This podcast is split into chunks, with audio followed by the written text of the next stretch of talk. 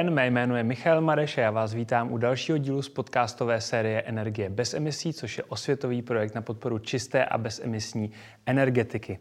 Eh, mým dnešním hostem je pan Tomáš Slanina, organický chemik z Ústavu organické chemie a biochemie Akademie věd České republiky. Vítejte. Dobrý den. Tomáš vystudoval organickou chemii na Masarykově univerzitě v Brně. Doktorát získal nejen tam, ale i na Německé univerzitě v Řezně. Od roku 2019 vede v Ústavu organické chemie a biochemie výzkumnou skupinu, která se věnuje tzv. redoxní fotochemii. Nedávno získal prestižní evropský grant a e, patří tak mezi velice málo lidí v Česku, který byl e, tím ERC Starting Grantem oceněn. Já jsem o vás nedávno na jednom spravodajském serveru četl titulek. Český chemik sahá po řešení hlavnímu, hlavního problému čisté energie. To zní velmi nadějně a světově.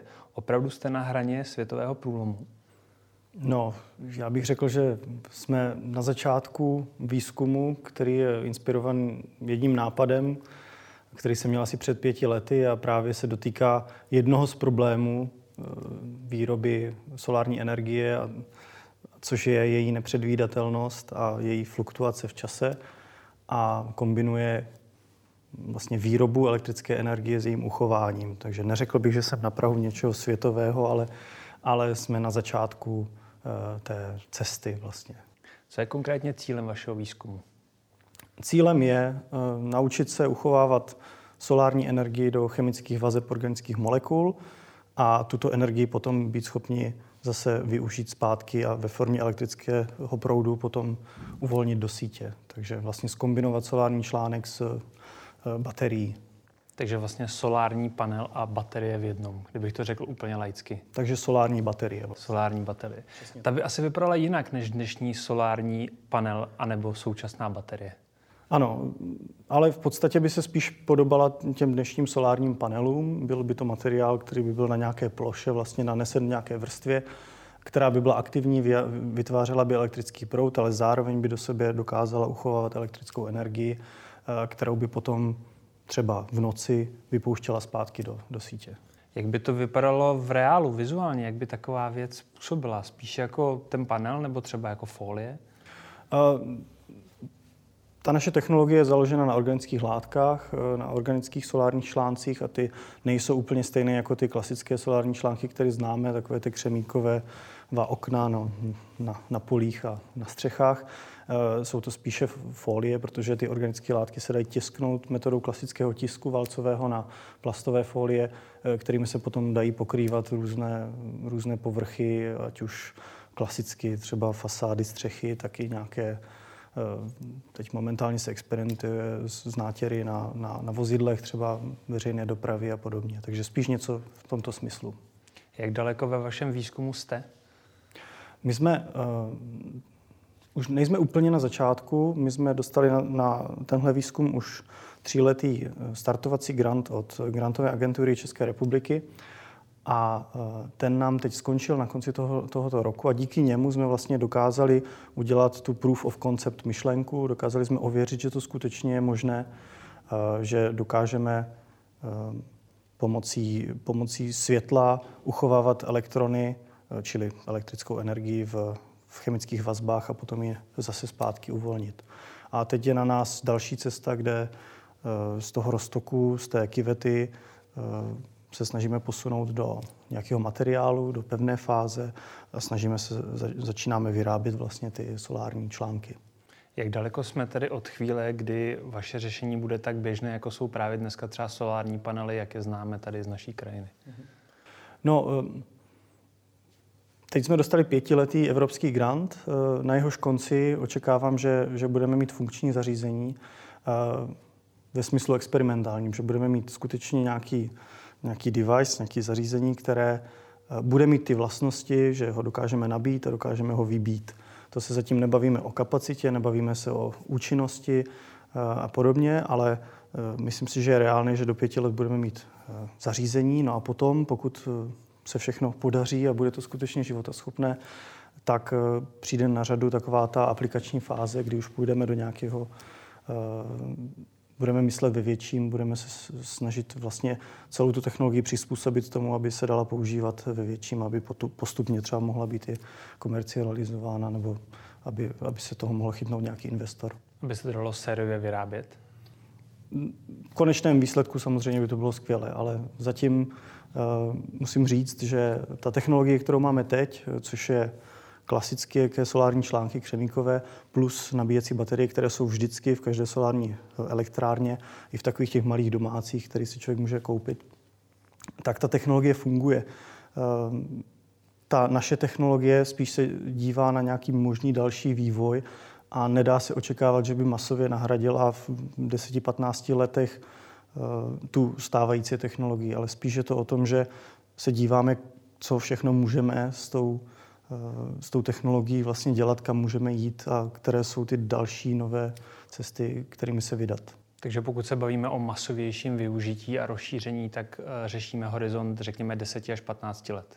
Určitě minimálně, ale masové v tom smyslu, že by to byla skutečně většinová technologie, tak v tomhle případě eh, zatím nevidím eh, důvod to hnát tímhle směrem. Spíš eh, by bylo možné vlastně najít nějaké aplikace, které, kde dneska ty solární články jsou moc těžké nebo jsou moc neflexibilní. Typicky třeba nějaké Dělají se různé, různá, různá třeba oblečení, která vám nabíjí eh, domácí elektroniku nebo, nebo mobilní telefon a, a podobně, nebo nějaké případy, kde potřebujeme kumulovat energii někde na nějakých odlehlejších místech, kde nejsme připojeni k elektrické síti a podobně. Eh, tím mě navádíte na myšlenku, jestli byste dokázal popsat výhody a nevýhody právě toho organického řešení vůči tomu křemíkovému. Tak eh, já bych začal možná nevýhodami. Eh, nevýhody organického, eh, organických solárních článků v tuto chvíli eh, je o něco nižší účinnost.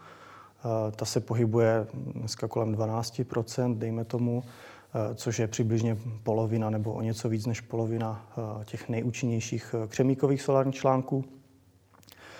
Potom je to trošku kratší životnost, protože ty organické látky se časem degradují na sluníčku. To je podobné třeba, když máme barviva v šatech, tak se nám postupně vybělují a nepřežijí úplně všechno, na rozdíl od těch anorganických křemíkových eh, článků, které, když na ně svítí 100 let, tak pořád, pořád budou vlastně podobné v tomhle smyslu.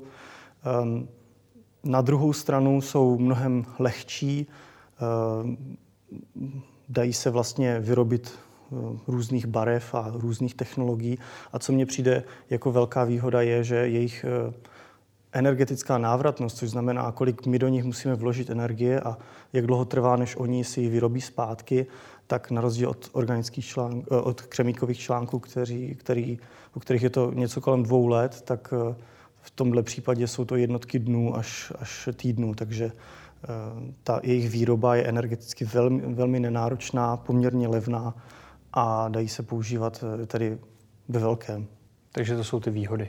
Ano. Kdybych tak řekl. Eh, váš výzkumný projekt se zabývá tím, jak ukládat energii přímo do chemických vazeb. Eh, co si pod tím máme představit? Jak to konkrétně funguje? Mm-hmm. Um, vlastně ukládání elektrické energie je ukládání elektronů. Elektrony jsou nosiče náboje a my ty elektrony dokážeme uchovat do molekul, které si vlastně ty elektrony vezmou. Každá molekula si vezme dva elektrony a vytvoří z nich kovalentní chemickou vazbu. A tato vazba, když je potom nějakým způsobem rozrušena, tak ty dva elektrony zase vypustí ven. A e, stojí to nějakou energii tu, tu vazbu vytvořit e, a tu vlastně čerpáme z toho slunečního záření a potom ty uvolněné elektrony mají zase nějakou přebytečnou energii, kterou právě můžou, eh, můžou eh, vlastně ve formě elektrického proudu potom vydávat ven z toho, z toho zařízení. Jaký je potenciál takového řešení? Teďka mě vlastně zajímá, jak široké je spektrum možného využití. Tak jednak se jedná o novou myšlenku, takže chceme dokázat, že, že skutečně takováhle věc možná je úplně ta základní myšlenka je, že chceme vyrovnat nějaké fluktuace, takže ideálně nějakým způsobem vyrovnávat e, výrobu solární energie. tak aby ty, ty solární elektrárny, které budou na tomhle principu, vlastně nepouštěli do, do elektrické sítě příliš nějaké velké výkyvy, aby ta výroba byla pokud možno konstantní a aby to množství té uchované energie bylo dostatečné i v době, kdy na ten solární článek nesvítí. Jenom pro představu, ty klasické solární články, co máme teď, tak ty pr- pracují na 100% přibližně čtvrtinu času v těch slunných regionech. To znamená, že 75% času prostě nejedou na, na 100%. A my, kdybychom dokázali nějak vyrovnat tady tyhle, eh, tyhle fluktuace, tak si myslím, že to nebude tak zatěžovat eh, obecně síť rozvodnou. A, a předvídatelnost bude mnohem vyšší. Přesně tak. Eh, vy už jste tady zmínil nabíjení oblečení třeba. Eh, zkuste mi nastřelit pár myšlenek, kam by se, řekněme, sci-fi využití toho, na čem pracujete, mohlo ubírat. Co by mohly být, mohly být ty konkrétní aplikace? A jak by nám mohly zlepšit život? No, já si myslím, že teďka už to vlastně pocitujeme, když se podíváme na dobu 20 let dopředu, tak um, tak takový individuální, individuální potřeba jedince eh, nebyla tak, nebyly tak, netočily se kolem, kolem energie, když to dneska eh, díky smartphonům a osobní elektronice vlastně všude potřebujeme možnosti, jak si kde dobít, co, kde a jak. Nosíme sebou powerbanky a všude hledáme v dopravních prostředcích USB zásuvky a podobně. Tohle všechno může odpadnout jednak vývojem lepších baterií, které budou mít lepší kapacitu, nebo zařízením, který, který budou mít menší spotřebu samozřejmě, ale my jsme čím dál náročnější, chceme čím dál větší výpočetní výkon a podobně. Takže nutně to bude muset znamenat, že si budeme muset tu energii opatřovat nějakými jinými způsoby. A právě třeba dobíjení osobní elektroniky ehm, nějakými personálními solárními články, který člověk bude mít někde Eh, tak eh, to je, to je možnost, která zatím zní jako sci-fi, ale myslím si, že do budoucna je velice reálná.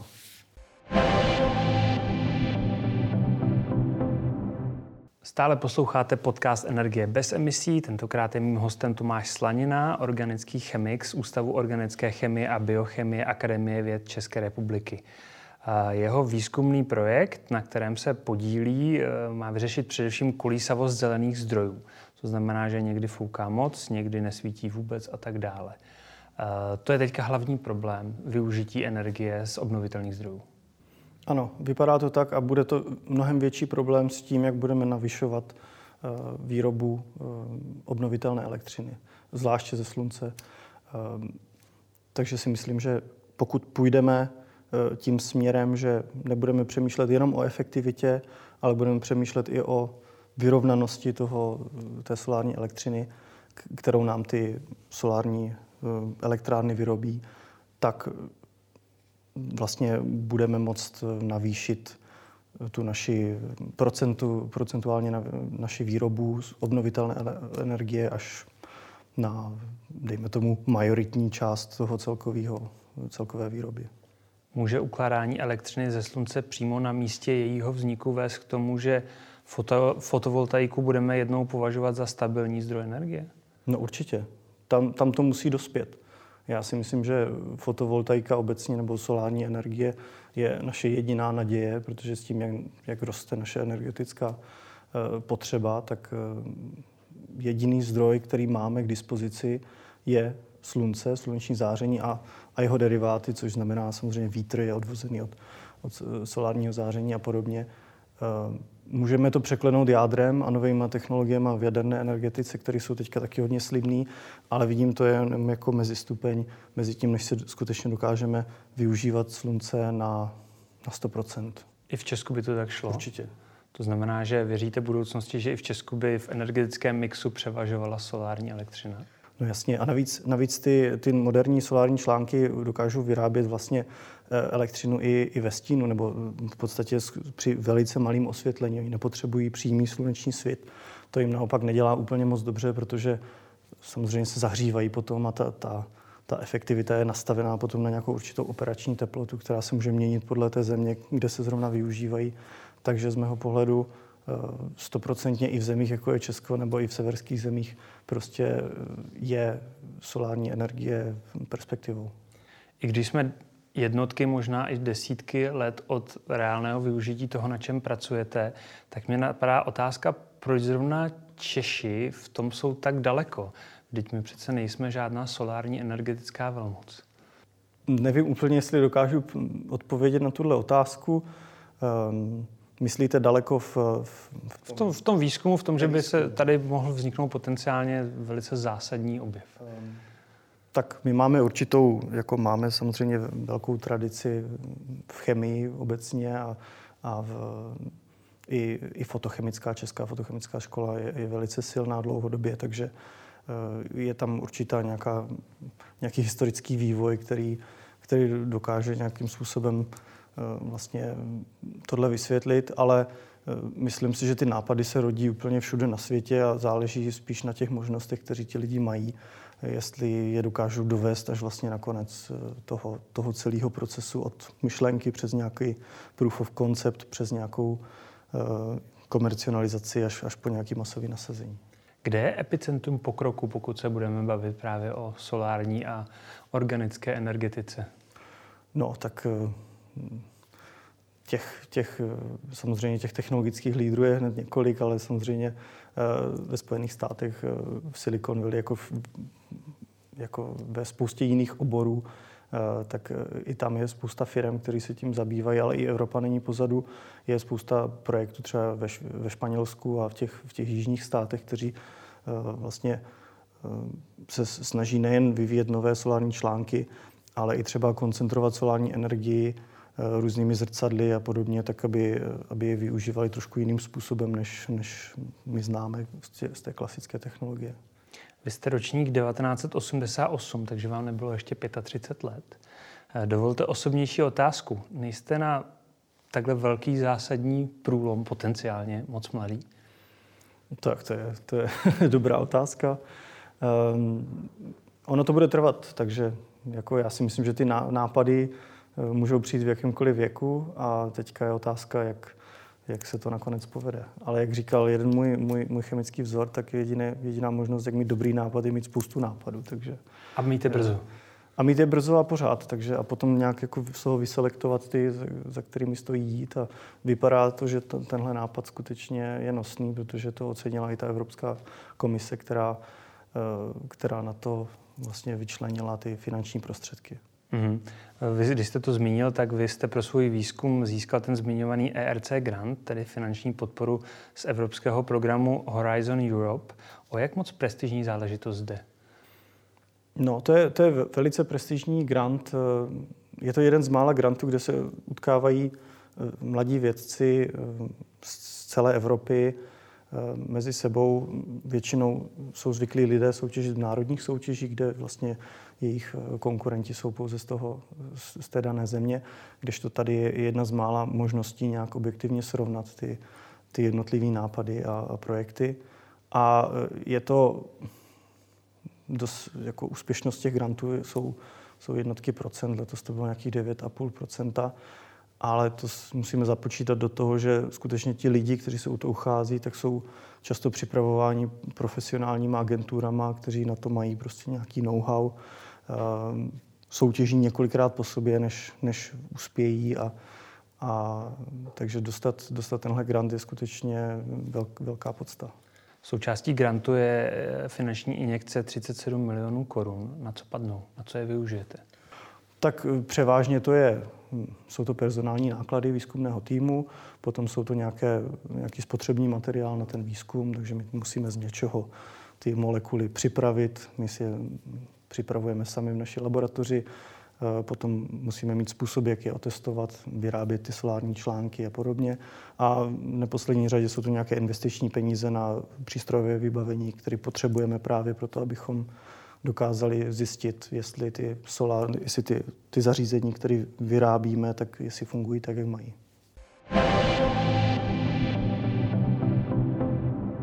Pokračujeme v povídání s Tomášem Slaninou z Ústavu organické chemie a biochemie Akademie věd České republiky. Z obnovitelných zdrojů, jako je slunce nebo vítr, jsme dnes schopni vyrobit stále větší množství energie, ale problém nastává na druhé straně, tedy s jejím ukládáním. Proč historicky nešly tyhle ty dvě věci ruku v ruce? No, ono to, to docela dává smysl, protože když nemáte vyřešen problém jedna, čili výrobu té obnovitelné energie, tak eh, nemáte vlastně důvod, proč vymýšlet eh, řešení toho problému dva, čili nějakého uchování. Ale eh, samozřejmě ty, ty nápady šly ruku v ruce a, a třeba technologie přečerpávacích elektráren je tady už strašně dlouho a je to jedna z nejúčinnějších možností, jak vyrovnávat velké výkyvy v celé té síti. síti. Takže to je ta technologie určitým způsobem existuje, ale teď se dostáváme do stále náročnějších eh, situací, kdy máme čím dál větší výkyvy, které nedokážeme ovlivnit a máme je poměrně lokálně. Nemáme jednu velkou tepelnou elektrárnu, které došlo uhlí a teď potřebujeme vyrovnat na týden prostě, takže zapínáme další blok jaderné elektrárny, eh, což je věc, která se dá ještě nějak vykomunikovat, ale když máte stovky různých elektráren a tady svítí, tady nesvítí, tady svítí a vy máte vlastně tu síť nastavenou jenom tak, že vede od elektráren ke koncovým uživatelům a nedokáže ty toky nějak vyrovnávat v rámci regionu, tak eh, to je velký problém. Jak do téhle skládačky, zejména těch obnovitelných zdrojů, zapadá právě váš výzkum, respektive kam by se měl zařadit a co, na, na čí úkor například? No, zapadá vlastně do té, do té výroby. My nechceme eh, my nechceme jakoby nahrazovat nějaké, nějaké velká, velká úložiště bateriová a podobně. My chceme přímo eh, transformovat výrobu solární energie tak, aby ty baterie příliš nepotřebovala, takže vlastně bych řekl, že na úkor, na úkor žádného z těch ostatních komponent to, té, té sítě, ale uh, měla by odlehčit právě těm, těm lokálním bateriál, bateriovým úložištím, které, které v těch solárních bat, elektrárnách jsou. Eh, jaké jsou dnes vlastně možnosti akumulace energie? Tak těch možností je eh, celá řada. Takový to úplně nejjednodušší, co si člověk představí jako, jako první věc, tak to je ukládání do, do velkých bateriových úložišť, takové ty různé kontejnery s, s litiovými bateriemi.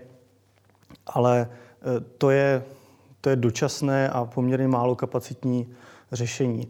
Eh, ukládání energie, samozřejmě výkyvů, vyrovnávání výkyvů, to jsou ty přečerpávací elektrárny, ale potom jsou technologie, které řeší to, co dělat s přebytkem, velkým přebytkem energie, třeba u nějaké elektrárny, která musí pořád vyrábět a teď ta síť nepotřebuje tolik, tak eh, dost často se to prostě jenom pouštilo teplo někam pryč do nějakých skleníků nebo bazénů a tam se chovají prostě nějaký ryby nebo tak.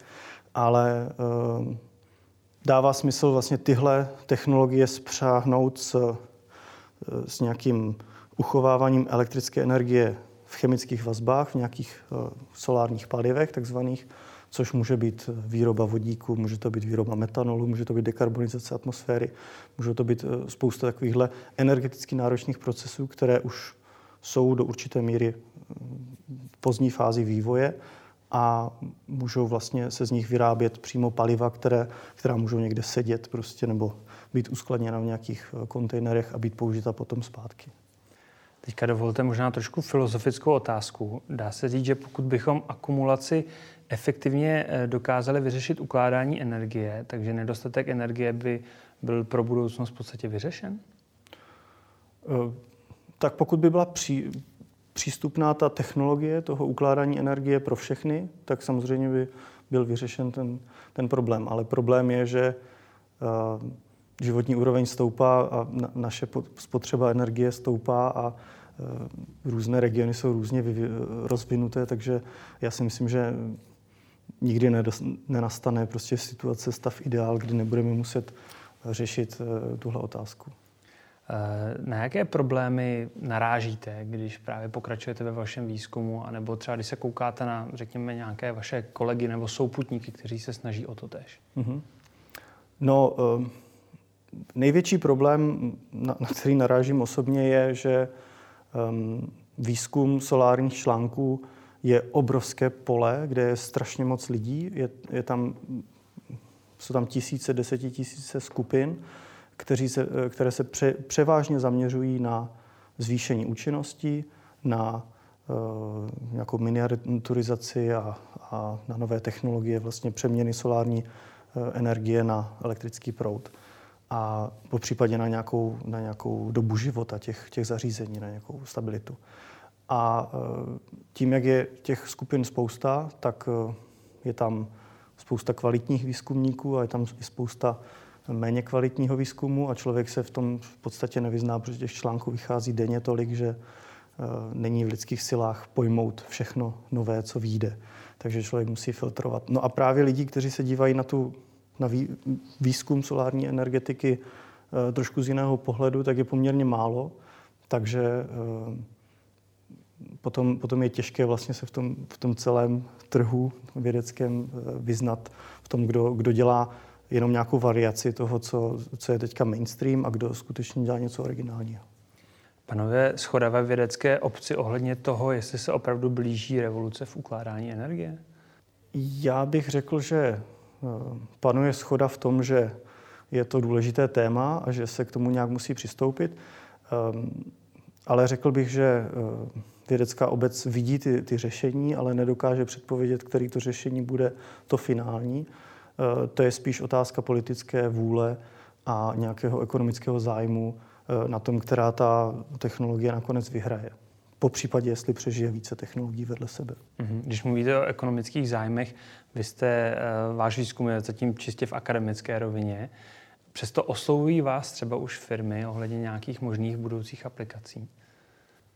Už pár firm už mě oslovilo, zatím jsme skutečně na začátku, takže je to je to, je to trošku předčasné, ale eh, na, u nás na ústavu, na rozdíl třeba od jiných eh, pracovišť, tak máme poměrně hodně eh, vyvinuté vlastně nějaký, nějaké mechanismy, jak ten základní výzkum přenést do aplikovaného výzkumu. Vyplývá to historicky z, z vynálezu profesora Antonína Holého, mm. antivirotik a, a podobně a dalších věcí, takže náš ústav je na to zařízen a prostě a aktivně i schání investory a ve chvíli, kdy se ukáže, že skutečně je to nějaká myšlenka života schopná, tak nemám strach o to, že by nebylo možné nějak pokračovat dál. Prozradíte, na jaké účely by to ti zájemci chtěli, nebo co, co by byl ten jejich zájem? No, zatím je to jako investice do zajímavé technologie. Zatím o žádných konkrétních účelech jsme se nebavili, ale je to spíš o tom, že, že nějaká firma chce in, investovat do inovativní technologie, takže... Z jakých odvětví tyhle ty firmy jsou, nebo co to je za společnosti? Především jsou to, jsou to firmy zabývající se ukládáním elektri- solární energie, čili spoj, spojováním, třeba zařizují eh, solární eh, elektrárny a podobně. Já jsem si říkal, jestli třeba nějaký výrobce módy se na vás neobrátil, že by už se koukal do budoucnosti a chtěl dobíjet přes oblečení. To si myslím, že zatím ne, že to by samozřejmě byla jedna z možností, ale, ale myslím si, že moda je tak se nedívá dopředu 20 let třeba, ale dívá se dopředu třeba příští dvě sezóny a tak. To možná asi zatím není úplně na pořadu dnes. Mm-hmm. Já mám na závěr jednu jednoduchou otázku a to je, jak moc optimistický ohledně úspěšnosti vašeho výzkumu jste, že ano, jste na začátku, ale už vidíte nějaké kontury toho, kam by to mělo směřovat a mohlo směřovat, tak proto se ptám. Mm-hmm. Já pamatuju si, když, když mě tenhle nápad napadl, tak jsem se o tom bavil s jedním, s jedním profesorem ze Švýcarska, kterého si velmi vážím, teďka už je v důchodu. A e, tehdy to bylo skutečně jenom jako čistě teoretický základní koncept, nějaký myšlenkový experiment. A já jsem mu to přednesl a, a ptal jsem se ho, co si o tom myslí.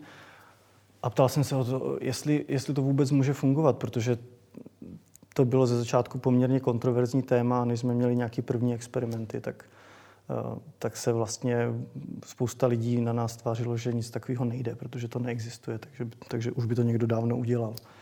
A, a on se na mě tak podíval a na můj, na můj dotaz, jestli to bude fungovat, tak, tak řekl, no, s největší pravděpodobností ne, ale bude to zábava.